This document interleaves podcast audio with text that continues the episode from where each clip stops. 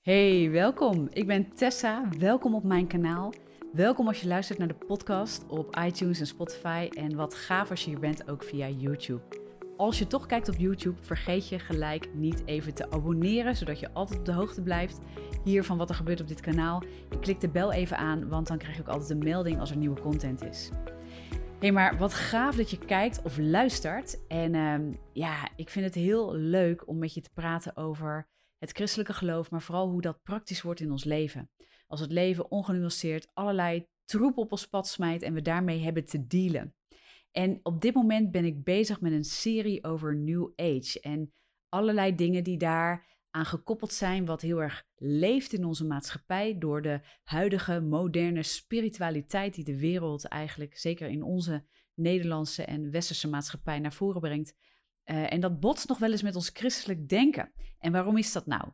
En daar wil ik je heel graag in meenemen, zodat je als christen op de hoogte bent van hoe dat, dat werkt en hoe je keuzes kunt maken, standpunt kunt innemen. En wellicht ben je geen christen als je kijkt of luistert. En dan weet je ook waarom christenen misschien op die manier een standpunt in willen nemen of keuzes willen maken voor zichzelf. Dus ja, uit beide gevallen leuk als je luistert en kijkt. En weet je, ik, uh, ik heb een introductie gedaan uh, twee weken geleden. Die video is ook nog uh, uh, te zien, dus ik zal hem even linken als je op YouTube kijkt. Dan zie je de link bovenin in de video verschijnen. En dan kan je die ook nog bekijken, want de manier waarop we kijken naar dingen die we moeten beoordelen, of het goed is voor ons, of het in lijn is met Gods wil hè, als christen. Ja, dat is toch wel interessant om dat op die manier ook te bekijken vanuit nou ja, welke hartsgesteldheid doen we dat vanuit? En wat zegt God over hoe we dan dingen beoordelen? Uh, tegelijkertijd wel die liefde in waarheid ook in ons eigen leven, maar ook richting anderen blijven brengen. Nou, en in deze aflevering wil ik met je induiken op drie hele fundamentele verschillen tussen het New Age denken of de levensopvatting van New Age en het christendom.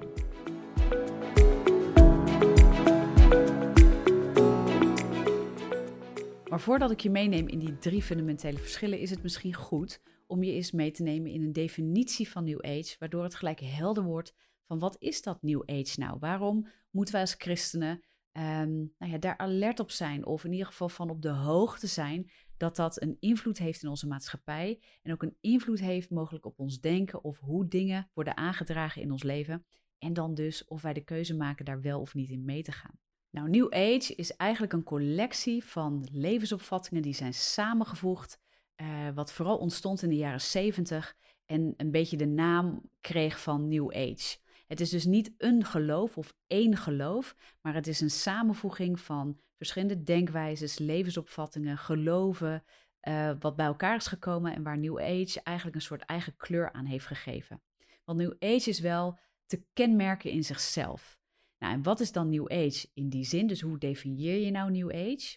Nou, New Age gelooft dat de mensheid, dat ieder mens, maar dat ook alles in deze wereld van oorsprong divine is, goddelijk en één met God zelf. Dat is eigenlijk het sleutelelement van New Age. Dus alles is goddelijk, het universum is één geheel. Je hoort vaak ook dat er over het universum wordt gesproken als hetgene waar men um, mee interacteert, hè, dus eh, binding mee heeft en daar vindt alles plaats. Daar wordt ook de spiritualiteit aan opgehangen. Dus dat is een sleutelelement, dat alles God is en God is in alles en alles is dus goddelijk. Van oorsprong uit, van nature uit, als het ware, zo zou je het kunnen zeggen. Wat het daarbij ook gelooft, is dat wij als mens ons steeds meer bewust moeten worden, eigenlijk in een proces van bepaalde handelingen, uh, ontwikkeling die we doen, spirituele ontwikkeling, bepaalde rituelen, methodieken die we doorlopen uiteindelijk. Uh, zodat we steeds meer komen tot een bewustzijn van die divinity, van die goddelijkheid van onszelf, wat we ten diepste al zijn. Het enige wat we nog moeten doen is dat steeds meer ontdekken en daar steeds meer onze identiteit naar gaan vormen en naar gaan handelen. Dat is eigenlijk wat New Age grotendeels globaal gelooft en waar het ook heel veel van zijn uh, structuur en, en geloofswijze en de dingen die daar allemaal aan opgehangen zijn, ook uh, waar dat in functioneert. Dus die levensopvatting van New Age, dat alles goddelijk is en alles God is, en dat God in alles is, in de natuur, in jou, uh, in de bomen, in de computer, in alles, dus letterlijk in alles. Alles is goddelijk en alles is God en God is in alles. Dat is echt een sleutelpunt en daarmee is het de bedoeling, is het onze ehm, ja, purpose, zeg maar, ons levensdoel, om die hogere zelf, uh, dus dat hogere spirituele bewustzijn, steeds meer te ontdekken en daarin te gaan functioneren. Het heeft daarmee ook wel raakvlakken met de gnostiek.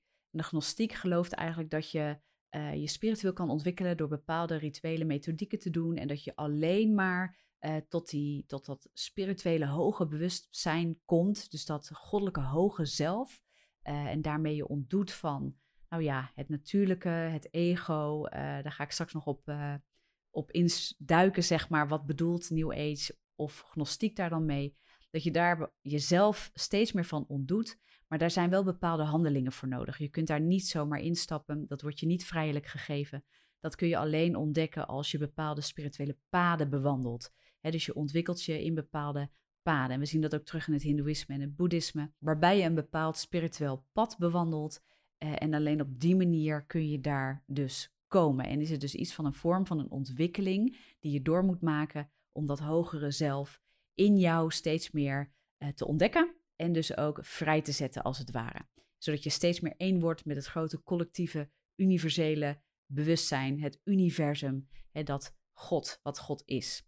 God is in het New Age dus geen persoonlijke God. Het is meer een energie waar we allemaal in functioneren. En dat is het doel van de mens, dat we daar steeds meer bewust van zijn en daar dus steeds meer uh, in leven. Nou, nu heb je een beetje een beeld van wat New Age is. En daarom heel veel uh, raakvlakken die New Age heeft, is met het Hindoeïsme, met het Boeddhisme en met de Chinese Oosterse religies. Omdat daar het pantheïsme en het polytheïsme eigenlijk heel erg leeft. En dat ga ik je uitleggen. En dit is het eerste fundamentele verschil, ook daadwerkelijk met onder andere het christendom, maar ook met de islam en ook met het jodendom. Want het christendom, de islam en het jodendom zijn monotheïstische eh, godsdiensten. En monotheïstisch betekent mono betekent één en theïsme of theos, dat betekent God. En deze religies geloven in één God. Ja, en laat ik het daarin ook even houden bij het christendom. Want het christendom gelooft dus in één God, maar ook in een persoonlijke God die alomvattend is, die almachtig is, die soeverein is, maar die ook persoonlijk betrokken is bij ons leven. Het is dus niet een energie die geen persoon heeft of geen menselijke eigenschappen heeft. Dus zaken als emotie, uh, en het, het hebben van een keuze en een eigen wil. Wij schrijven echt toe aan God dat Hij een eigen wil heeft en dat wij die wil ook kunnen leren kennen. Dus het verschil tussen uh, New Age en christendom is eigenlijk ten diepste het pantheïsme. Daar waar het christendom dus één persoonlijke God heeft, met een wil, met emoties, gaat het New Age uit van pantheïsme. Pan betekent alles, theos betekent daar ook weer God. En men gelooft in New Age dat dus alles God is en alles in God is en daarmee alles goddelijk is. Het universum, de natuur en God, of de definitie van God, is daarmee dus ook helemaal gelijk. Er is dus geen soevereine God die boven zijn schepping staat. Er is niet sprake van een schepper en een schepping op die manier. Je zou kunnen zeggen dat God anders gedefinieerd is als bij ons in het christendom. Dus God is eigenlijk geherdefinieerd als een God die niet alleen God is, maar alles is gelijk. Dus dit staat ook open, dit pantheïstische denken staat ook open voor het aanwezig zijn van andere goden. Want het maakt feitelijk niet uit hoe we het noemen. Alles is in dit geloof hetzelfde. Dat is vaak ook de reden dat mensen zeggen: Ach ja, weet je, jij noemt het God, jij noemt het Christus, ik noem het zo en zo, of ik zie het als het universum. Iedereen noemt het anders, maar het is allemaal hetzelfde. In hun optiek is dat ook zo. Dus dat is goed om dat te begrijpen en ook gewoon te bevatten. Dat als je in gesprek bent met iemand die zo denkt, dat het ook logisch is dat zij onze God niet anders zien als een onderdeel van het hele universum, maar niet erkennen als zijnde God, de schepper, de almachtige en de maker van deze wereld. Ze zien dat dus niet apart. Zij zien God of het idee van God in ons menselijk denken als een onderdeel van het universum, als een onderdeel van het geheel. Jezus geïncludeerd. Dus zij kunnen ook niet aannemen dat Jezus voor onze zonde zou zijn gestorven en daarmee de weg, de waarheid en het leven is en de enige weg is tot de Vader. Dat is waar het gaat schuren, zeg maar. Daar strookt het niet meer met elkaar. Daar zijn de levensopvattingen echt heel verschillend. En dan kom je natuurlijk aan de essentie van het christelijk geloof en dat is de Heer Jezus Christus zelf, die als verlosser wordt gezien, als God en mens 100%, 100% God, 100% mens was hij hier op de aarde. Hij stierf voor onze zonde om de relatie met God te herstellen. Omdat we door de zonneval van God verwijderd zijn geraakt en in gevallen wereld in een gevallen toestand zijn gekomen. Het christendom gelooft dus niet dat God in alles is op die manier. En gelooft ook niet dat wij van nature in de oorsprong goddelijke wezens zijn. Het christendom geeft wel aan, de Bijbel spreekt er heel duidelijk over dat we geestelijke wezens zijn, maar dat we geestelijk gestorven zijn doordat we verwijderd en gedisconnect zijn geraakt van God. En daar zit natuurlijk een heel groot verschil met het uh, New Age denken. En het is goed om je te beseffen dat dat gedachtegoed zo anders is. En dat je dus vanuit die hoek ook echt andere gesprekken hebt. Maar ook anders de zaken van de wereld en je omstandigheden of nou ja, daar waar je instapt en ook hoe je bezig bent met spiritualiteit, dat dat wezenlijke verschil is. En dat het in sommige gevallen echt niet te vereenzelvigen is. Omdat wij een God aanhangen die onze schepper is, die wij als almachtig zien, als persoonlijk, die ons leiding wil geven.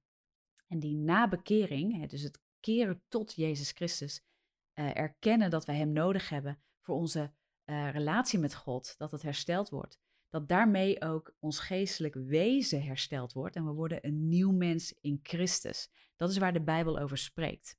Zo spreekt Romeinen 6, vers 6 het volgende. Want we weten dat ons oude ik samen met Christus is gekruisigd en gestorven. Daardoor heeft het kwaad geen macht meer over ons. We zijn niet langer slaven van het kwaad. En in Galaten 2, vers 20 staat het volgende. Want ik ben samen met Christus gekruisigd. Toch leef ik. Dat komt doordat niet meer mijn eigen ik leeft, maar Christus leeft in mij. En zolang ik nog in het lichaam leef, leef ik door het geloof in de Zoon van God. Want Hij houdt heel veel van mij en Hij heeft zijn leven voor mij geofferd. Christenen geloven dus niet in een weg naar of een soort transformatie die we helemaal zelf als een spiritueel pad moeten gaan bewandelen om tot verlossing te komen. Dat is wel wat New Age predikt. Dus New Age predikt een soort verlichting, een verheerlijking, een verlossing, het komen tot het bewustzijn van het hogere zelf en dat dat ons eindstation is als we daar komen. De Bijbel predikt eigenlijk het tegenovergestelde. En daarmee kom ik eigenlijk op het tweede punt. En dat is namelijk dat um, zonde wordt geherdefinieerd of eigenlijk anders uh, gedefinieerd in bijvoorbeeld New Age. Want dat is natuurlijk een, een groot goed waar de Bijbel over spreekt. Uh, en dat is ook een groot verschil met hoe New Age naar zonde kijkt. En dat is het tweede punt. Dus daar ga ik je gelijk in meenemen. Kijk, zonde in de Bijbel, dat heeft eigenlijk twee aspecten. Zondigen betekent, vaak vanuit de grondtekst genomen, dat we niet in onze bestemming wandelen. En de allereerste bestemming die we missen is onze relatie met God. Dus God wil dat we verzoend worden met Hem. En voor die verzoening is geen eigen werk nodig. Christus heeft dat werk gedaan. Christus, zijn offer, zijn dood en zijn opstanding zijn het verlossingswerk waardoor de mens per direct hersteld kan worden in zijn of haar relatie met God. En op het moment als je dat aanneemt als christen, hè, dus als je zegt ik neem Jezus aan als mijn verlosser, als mijn koning in mijn leven, vergeef me mijn zonde, Heer, en dan krijg je inwoning van de Heilige Geest. De Heilige Geest is zijn koninkrijk, is zijn geest die in ons komt wonen. En die is alleen te ontvangen nadat je hebt gekozen voor die verlossing, voor het volledige overgave aan dat wat Jezus heeft gedaan. En de Bijbel is daar heel duidelijk over, want wat de Bijbel hierover te zeggen heeft, dat is onder andere metanoia. Dat is het Griekse woord voor bekering. En als dit woord wordt gebruikt in het Nieuwe Testament, wordt dat, uh, wordt dat gebruikt, dan betekent dat woord dat je van gedachten verandert. En niet alleen dat je van gedachten verandert, maar dat het doorwerkt tot in je hart. Dus dat ook je levensvisie en je bestemming veranderen. En de Bijbel gebruikt dit woord in het Nieuwe Testament eigenlijk alleen maar in de context van het feit dat je tot uh, besef komt dat je een zondaar bent, dat je daardoor gescheiden bent van God en dat je Jezus Christus nodig hebt om verlost te worden van die zonde, om in de relatie met God hersteld te worden. Nergens in de Bijbel is er een pad van verlichting waardoor we door eigen werken bij God kunnen komen. God heeft ons reeds gerechtvaardigd in Christus, maar in Christus alleen. Je bent waardig, maar door de zondeval ook losgekomen van God. En het hele herstelplan van God in Christus is er om te doen dat jij als mens weer wordt hersteld in je relatie met God. Dus niet door eigen werken, niet omdat je een verlichtingspad hebt bewandeld, niet omdat jij van jezelf het zo goed hebt gedaan, maar alleen door genade en niet omdat wij het verdiend hebben, maar door Gods liefde voor de mens, dat Hij ons wil vrijkopen vrijzetten van de angel van die zonde, van de angel van de gebrokenheid en de val van deze wereld, waar we allemaal in geboren worden sinds de val van deze wereld, sinds de zondeval. Ja, en dat is zo mooi hoe uh, Romeinen 3, vers 23 dat verwoordt. Want er staat het volgende. Want allen hebben gezondigd en missen de heerlijkheid van God. We zijn als mens door onze zondeval niet in staat om dat zelf te herstellen. Daarom is Jezus gekomen. Er is een hele hoge prijs betaald voor het verlossingswerk, voor de verlossing van ons, voor jou en voor mij, om verzoend te zijn met God. En daaruit blijkt juist de liefde van God.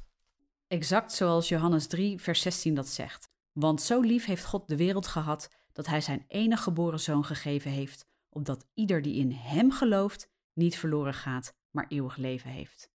Nou, in de New Age wordt liever eigenlijk niet echt over zonde gesproken, maar als we het over zonde hebben, en er zijn wat mensen die daar wel uh, over spreken vanuit de New Age denken, dan wordt zonde eigenlijk niet uitgelegd, zoals dat in het christendom wel wordt gedaan, als moreel tekortschieten in de maatstaven die God heeft gelegd voor ons, in zijn heiligheid, in zijn goedheid, maar wordt het veel meer gezien als een staat van zijn waarin je handelt uit je valse ik, ook wel je ego genoemd, dat nog heel erg onwetend is van zijn eigen goedheid en goddelijkheid en nog niet volledig functioneert in zijn goddelijke ik. Vanuit deze kijk op goddelijkheid en spiritualiteit zou de mens zichzelf dus tekort doen om zichzelf als zondig te zien. Dus we zouden niet God, maar onszelf vooral tekort doen als we onszelf dusdanig definiëren. Het is dus iets wat predikt dat wij ons moeten ontwikkelen en bewust moeten worden van de God in ons. En niet zoals de Bijbel daarover spreekt. Dus het gaat niet over een verzoening met God en het afleggen van onze eigen zondige bestaan en ons keren tot Christus en ons volledige geloof en vertrouwen op Hem stellen, maar ons vertrouwen en geloof gaan stellen in onszelf en onze eigen hogere goddelijke bewustzijn. Dat wat de New Age het ware zelf noemt, namelijk de God in ons. We moeten die God in ons, dat goddelijke in ons, tot volledige ontplooiing laten komen. En zolang we wandelen in dat wat geen liefde is, uh, wandelen we eigenlijk in het ego. En dit schuurt, dit, dit schaaft heel sterk aan wat de Bijbel zou kunnen benoemen als het vlees. Daarom wordt daar ook heel veel naar gerefereerd als het op dit soort termen begint aan te komen. dus waar de Bijbel spreekt over het vlees en de angel waar de zonde in zit, dat vleeselijke denken, onze vleeselijke begeertes, dan wordt dat vaak genomen binnen New Age als het ego. En daarom klinkt het ook zo bekend voor ons als daarover gesproken wordt. En zeker als er nog eens Bijbelteksten worden aangehaald, dat is voor ons een heel helder frame. En wij zijn dan ook wel geneigd als christenen om daar makkelijk in mee te stappen. Maar de vraag is of we dat moeten doen en of het ons niet op een pad brengt wat eigenlijk ingaat tegen wat de Bijbel predikt en vertelt qua levensopvatting en fundament in Christus. Want op het moment als het ons ego te doen is om het goddelijke zelf te gaan ontdekken en daar Christus daadwerkelijk eigenlijk niet voor nodig heeft, dan is Christus eigenlijk ook niet meer dan een soort voorbeeld geweest die uiteindelijk al aan het kruis is gegaan, maar niet noodzakelijk, want wij kunnen dat zelf ontdekken. Dan wordt Christus gezien, en dat wordt vaak ook zo gezien in New Age, als een goed mens wat ons is voorgegaan op een pad van verlichting en ons heeft willen vertellen hoe we tot die verlichting moeten kunnen komen.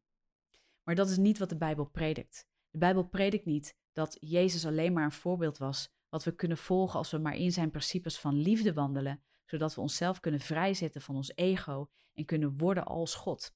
Sterker nog, Genesis praat over het gevolg van de mens die wil worden als God. Daardoor kwam de zondeval. En dat is dus niet iets wat te vereenzelvigen is met het christendom zelf.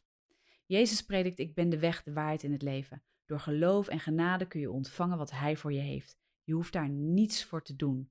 God houdt zoveel van de wereld dat Hij zijn zoon gaf. En daarin mogen wij vertrouwen. En dan wordt het zo dat de Bijbel spreekt over de nieuwe mens, de nieuwe schepping, de geest die aan je is gegeven. Het koninkrijk van God dat op dat moment, vanaf dat moment in je is.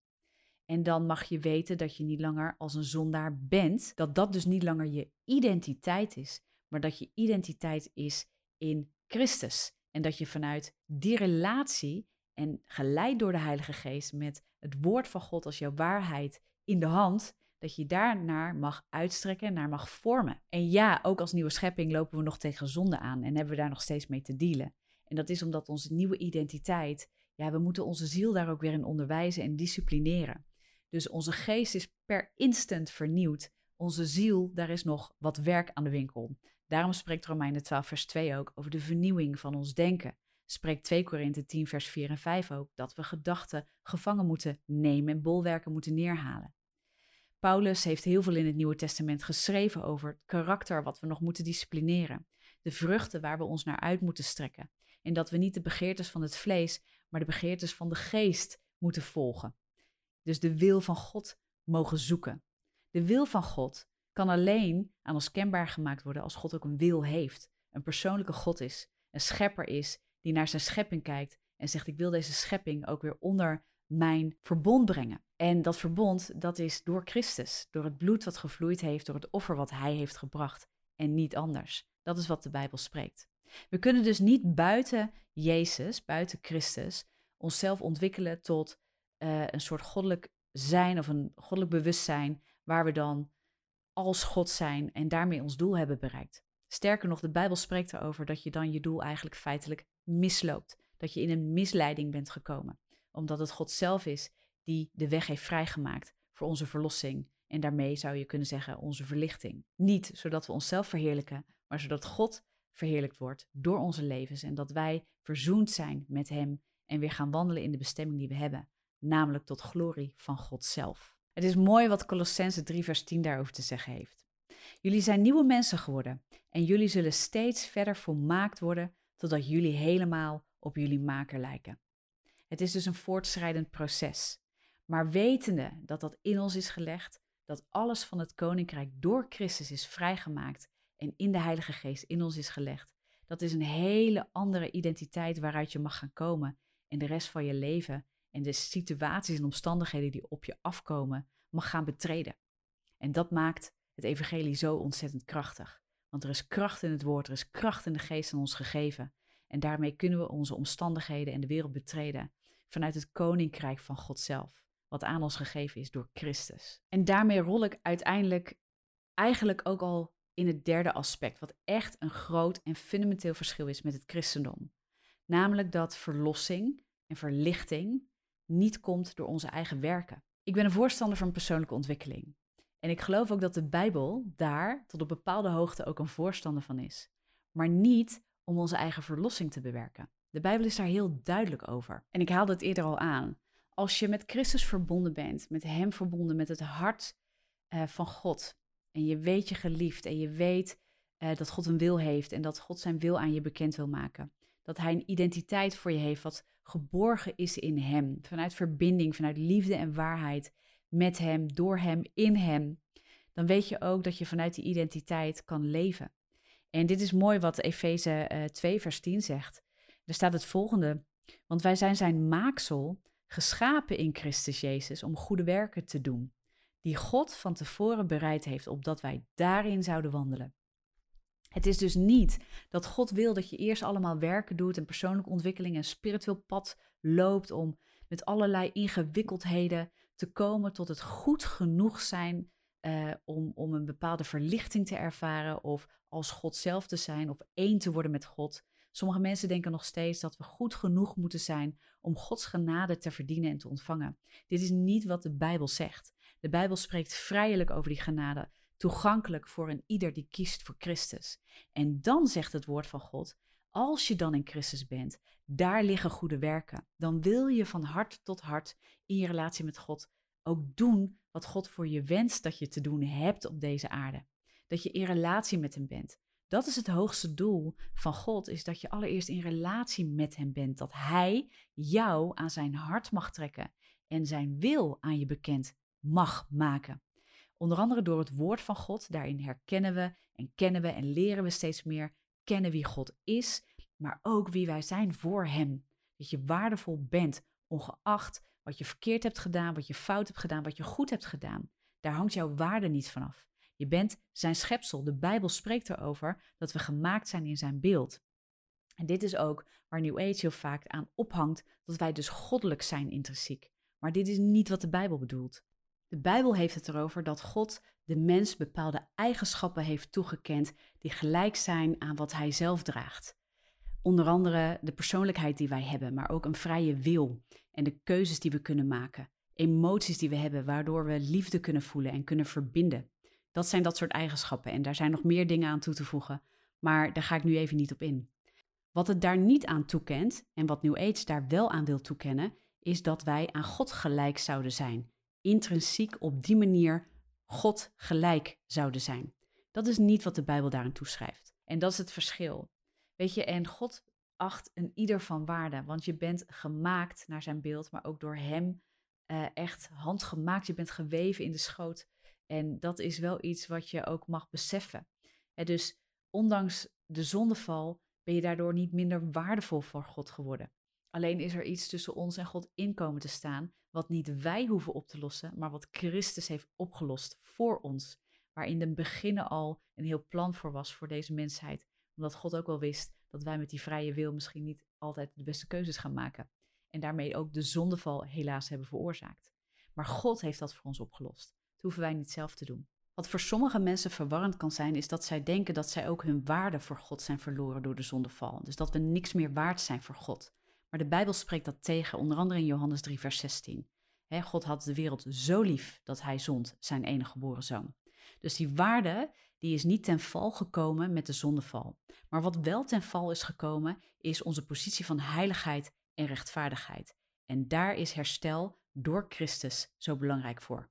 En het is goed als je kijkt naar termen als goddelijkheid of een goddelijke natuur of als God zijn, dat je dit soort dingen begrijpt. Dat wanneer de Bijbel spreekt over deel hebben aan de goddelijke natuur, dat dat gaat over dat we hersteld en verzoend zijn met God. En niet over een intrinsieke goddelijkheid die ons gelijk maakt aan God.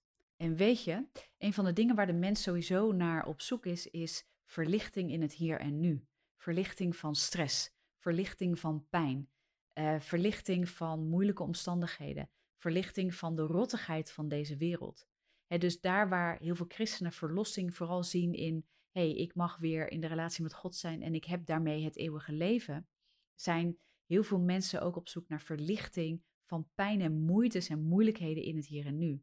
En dat maakt dat zij vaak op zoek gaan in het hier en nu naar oplossingen, therapieën, coaching, nou noem het allemaal op. Eh, de medische wereld en de hulp die daar is. Naar verlichting voor de pijn, fysiek, mentaal, geestelijk die zij ervaren. En ik merk dat het christendom daar soms echt wel, uh, nou ja, sowieso gigantisch veel waarde in te bieden heeft, maar dat zeker niet altijd gecommuniceerd heeft. Waardoor ook mensen zijn gaan zoeken buiten het christendom. En ik vind dat soms bijna logisch. Want daar waar de kerk, daar waar het christendom het antwoord zou moeten zijn voor mensen, omdat wij ook niet alleen maar in de toekomst naar het eeuwige leven zouden moeten leven, maar moeten beseffen, die verlichting, ook mentaal, ook fysiek, die is er bij God ook in het hier en nu. Ook daarvoor heeft Christus zijn koninkrijk gevestigd. Dat je nu met hem mag leven. Dat de Heilige Geest nu de dingen van God heeft vrijgezet in ons leven. En dat we vanuit die goede werken, die volgen vanuit die identiteit met God, vanuit die identiteit met Christus, dat je daarin mag wandelen. Dat dat heel veel vrijzet.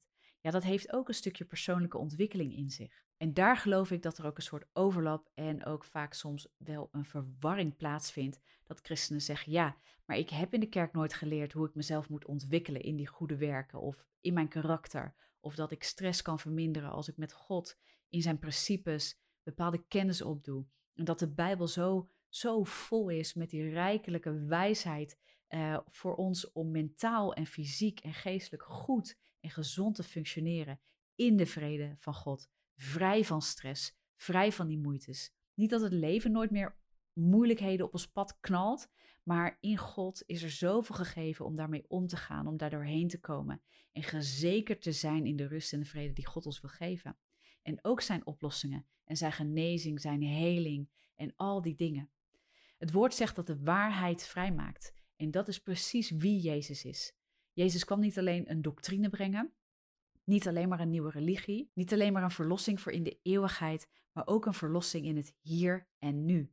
Dus de verlichting waar mensen naar zoeken en waar ze heel veel antwoorden lijken te vinden in New Age, des te meer is dat in de Bijbel aanwezig door Christus reeds gegeven. En natuurlijk is daar een deel van ons waar we in mogen groeien, waar we aan mogen werken. De Bijbel is daar ook duidelijk over. Dat is een actieve houding, niet een passieve houding. Dus daar waar God, waar Christus compleet het verlossingswerk heeft vrijgemaakt voor ons, is het wel aan ons om het te pakken en ermee aan de gang te gaan en ons kenbaar te maken met die waarheid en te gaan werken met die waarheid, ons te trainen in die waarheid, ons te laten discipelen en ook dat het praktisch wordt in ons leven. Daarom ben ik zo gepassioneerd om er op die manier over te spreken. Ik spreek veel over gezondheid, gezondheidswetenschappen, over hoe je mentaal gezonder kunt functioneren, de weerslag in het lichaam, de wisselwerking daarmee, maar vooral hoe de waarheid van God ons vrijzet van de leugens in ons denken en hoe die vorm van persoonlijke ontwikkeling, die net iets anders wordt gekaderd in de wereld, maar waarvan de wereld soms het wel eens beter lijkt te begrijpen dan veel christenen, ja, daar word ik gepassioneerd van en, uh, en heel enthousiast van als wij christenen dat ook weer plaatsen terug daar waar het vandaan komt, namelijk vanuit de bron zelf. En God heeft daar heel veel over te zeggen. En God wil gewoon dat je dat niet los van hem doet, maar met hem doet. Dat je niet hoeft te streven naar al die dingen, maar dat je vanuit de rust en het verlossingswerk van Christus daarmee aan de slag kunt. En wij zijn niet ontdaan van deze wereld. We zijn niet meer van deze wereld, zegt de Bijbel, als we Christus hebben en de Heilige Geest in ons, maar we zijn nog wel in deze wereld. Wij hebben ook al die tegenslagen die ieder mens heeft, net zo te verwerken als ieder ander, ook met God. Maar het is zo anders om dit te pakken en te weten wat voor kracht aan je toebedeeld is en wat voor wijsheid en waarheid aan je toebedeeld is door wie Christus is, door wat Hij heeft gedaan voor jou en mij aan het kruis. En dat, laat dat een bemoediging zijn, maar laat dat ook een fundament zijn waarop je blijft filteren waar je mee te maken hebt en ook waar je je hel zoekt en waar je je oplossingen zoekt.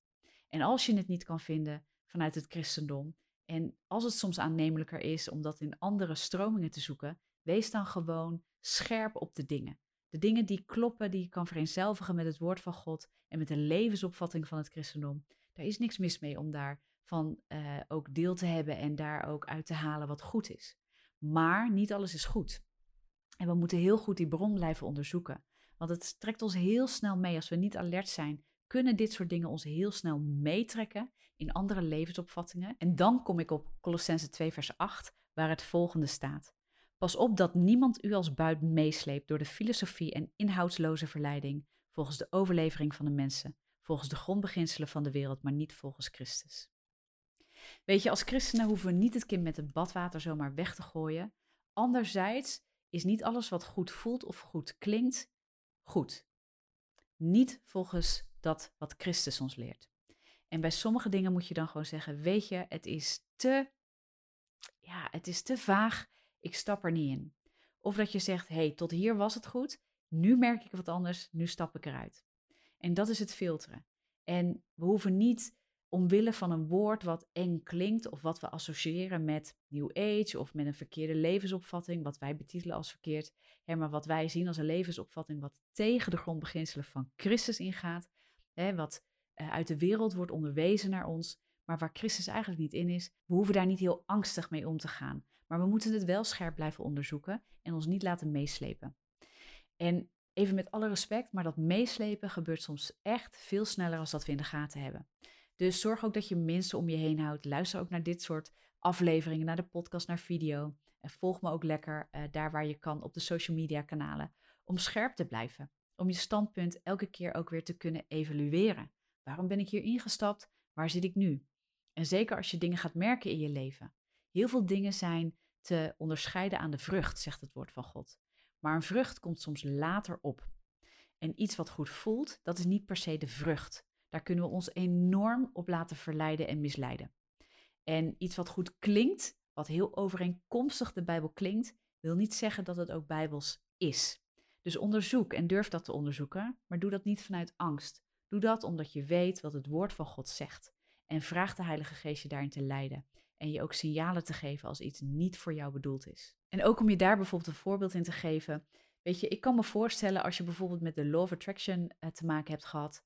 Als je daar nog uh, niet heel veel over weet en dit klinkt als een hele vreemde term, luister dan aflevering 20 nog even op de podcast. Ik heb hem helaas niet op video staan, maar wel op de podcast Godfluencer podcast op iTunes en Spotify kun je hem vinden, aflevering 20.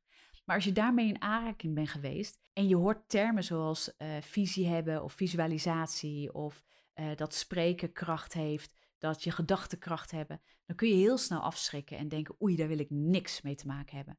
Terwijl tegelijkertijd het woord van God heel helder spreekt over de kracht van bijvoorbeeld het spreken, onze tong, als we dat in samenwerking met God ook doen. En als we kijken naar de vernieuwing van ons denken en hoe we samen met God dingen mogen creëren en ook gedelegeerde autoriteit hebben gekregen, waar God van ons vraagt daar echt verantwoordelijkheid over te dragen, actief in te zijn en ook uit te stappen daarin.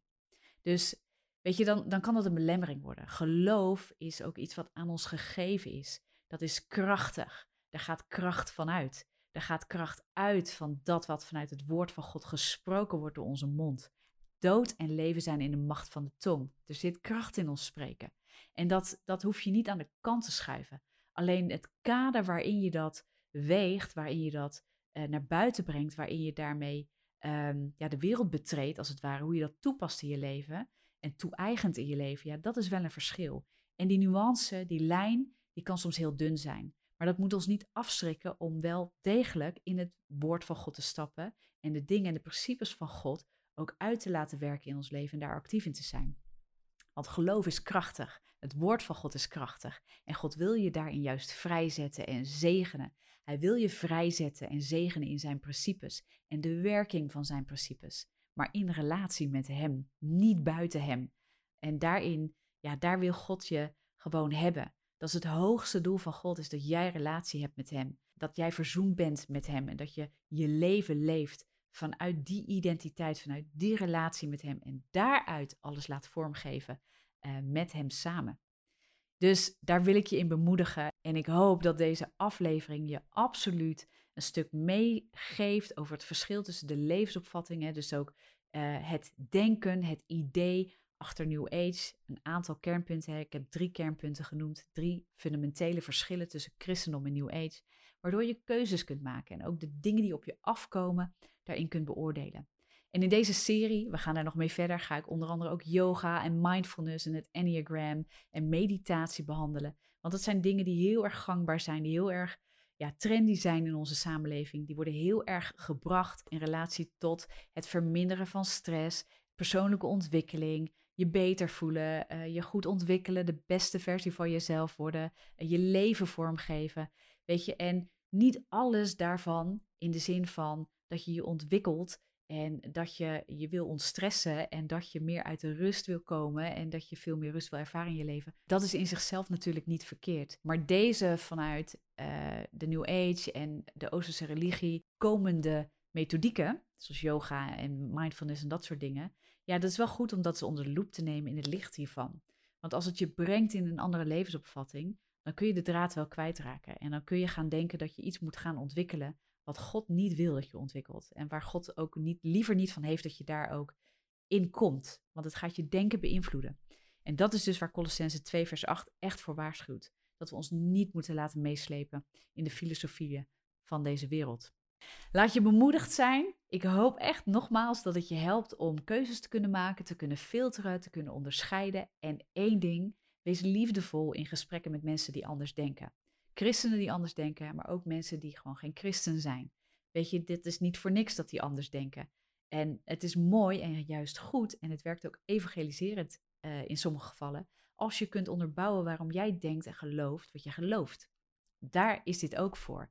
Weet je, ik wil niet alleen dat het je helpt dat je zelf keuzes kan maken, maar dat je in gesprek met mensen ook het evangelie kan brengen. En hoe mooi is het als iets wat trendy is, wat heel erg naar voren wordt gebracht als de manier om stress te verminderen. Dat je zelf weet wie je bent in Christus en het evangelie ook in gesprek daarover, dat je dat kan brengen en dat je ook daar niet terughoudend in hoeft te zijn en geen twijfels hoeft te hebben en niet onzeker in hoeft te zijn. Uiteindelijk zijn we geroepen niet alleen dat het woord van God ons vult en voedt en ja, fijn is voor ons eigen leven. We zijn geroepen om mensen tot Christus te brengen.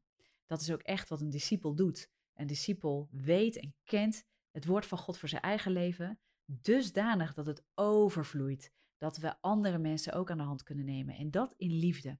We kunnen scherp zijn op de waarheid. We kunnen precies vertellen waarom dingen zo zijn. Dat is het mooie ervan. Dat is het fijne ervan als we dat gesprek op die manier aankunnen, maar in liefde. Dat je begrijpt waarom de ander anders denkt. Als het goed is, helpt deze aflevering je dus ook om te snappen, te begrijpen waarom mensen die in New Age bewegen, dus zo denken. Waarom ze ook geneigd zijn te zeggen: Ach, jij gelooft in God, ik geloof in wat anders, maar het is allemaal hetzelfde. Dat je begrijpt waarom dat is. Dat is het verschil tussen het pantheïsme, hè, geloven dat God in alles is en alles God is, een onpersoonlijke uh, God, een energie uh, waartoe we allemaal uiteindelijk onszelf uh, nou ja, naar een hoger bewustzijn moeten krijgen. En het christendom, wat staat voor een monotheïstisch godsbeeld. En gelooft in een persoonlijke God, in een schepper die echt hoger is dan zijn schepping. Waartoe we geroepen zijn in relatie daarmee te zijn. En waarbij Christus de verzoening is en het herstel van die relatie met God. Ik ga deze video afsluiten. Uiteraard, er gaan dus nog meer uh, afleveringen komen in deze serie, de New Age series. En als je dit kan waarderen, ik wil je vragen om partner te worden of een eenmalige gift te geven. We zijn er heel blij mee dat mensen geloven in de missie en de visie. Je helpt en je steunt ons daarmee om deze content mogelijk te maken. Want we willen deze content en al het andere wat we allemaal nog gaan creëren toegankelijk maken voor een ieder. We willen daar gewoon zoveel mogelijk in creëren, eh, zodat het woord van God naar buiten gaat en mensen in de vrijheid brengt.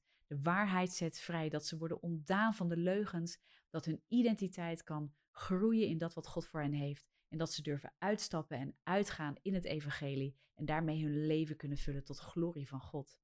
Dus overweeg zeker om partner te worden. Je partnert dan echt met ons en we zien je echt als mededrager van wat we uitdragen. En wat ik ook doe met de podcast en met de video's en het boek. En er komen nog meerdere boeken. Daar zijn we echt mee bezig. Daar ben ik persoonlijk ook mee bezig. En um, ja, we geven het liefst gewoon alles weg. Weet je, dus partner met ons, want er zijn financiën en middelen voor nodig. Uh, ga naar de website tessenvanos.com en uh, meld je daar even aan. En dan sluit ik nu deze aflevering af. Als je zit te kijken op YouTube, vergeet je niet te abonneren. Klik op de bel zodat je melding krijgt. En als je luistert naar de podcast op iTunes en Spotify, abonneer je daar zodat je daar ook elke keer een melding krijgt als er een nieuwe aflevering online komt. En vergeet ook zeker niet te connecten op Instagram en op Facebook om daar ook via de social media kanalen met mij verbonden te zijn. En dan spreek ik je heel graag snel weer in de volgende aflevering. Bye.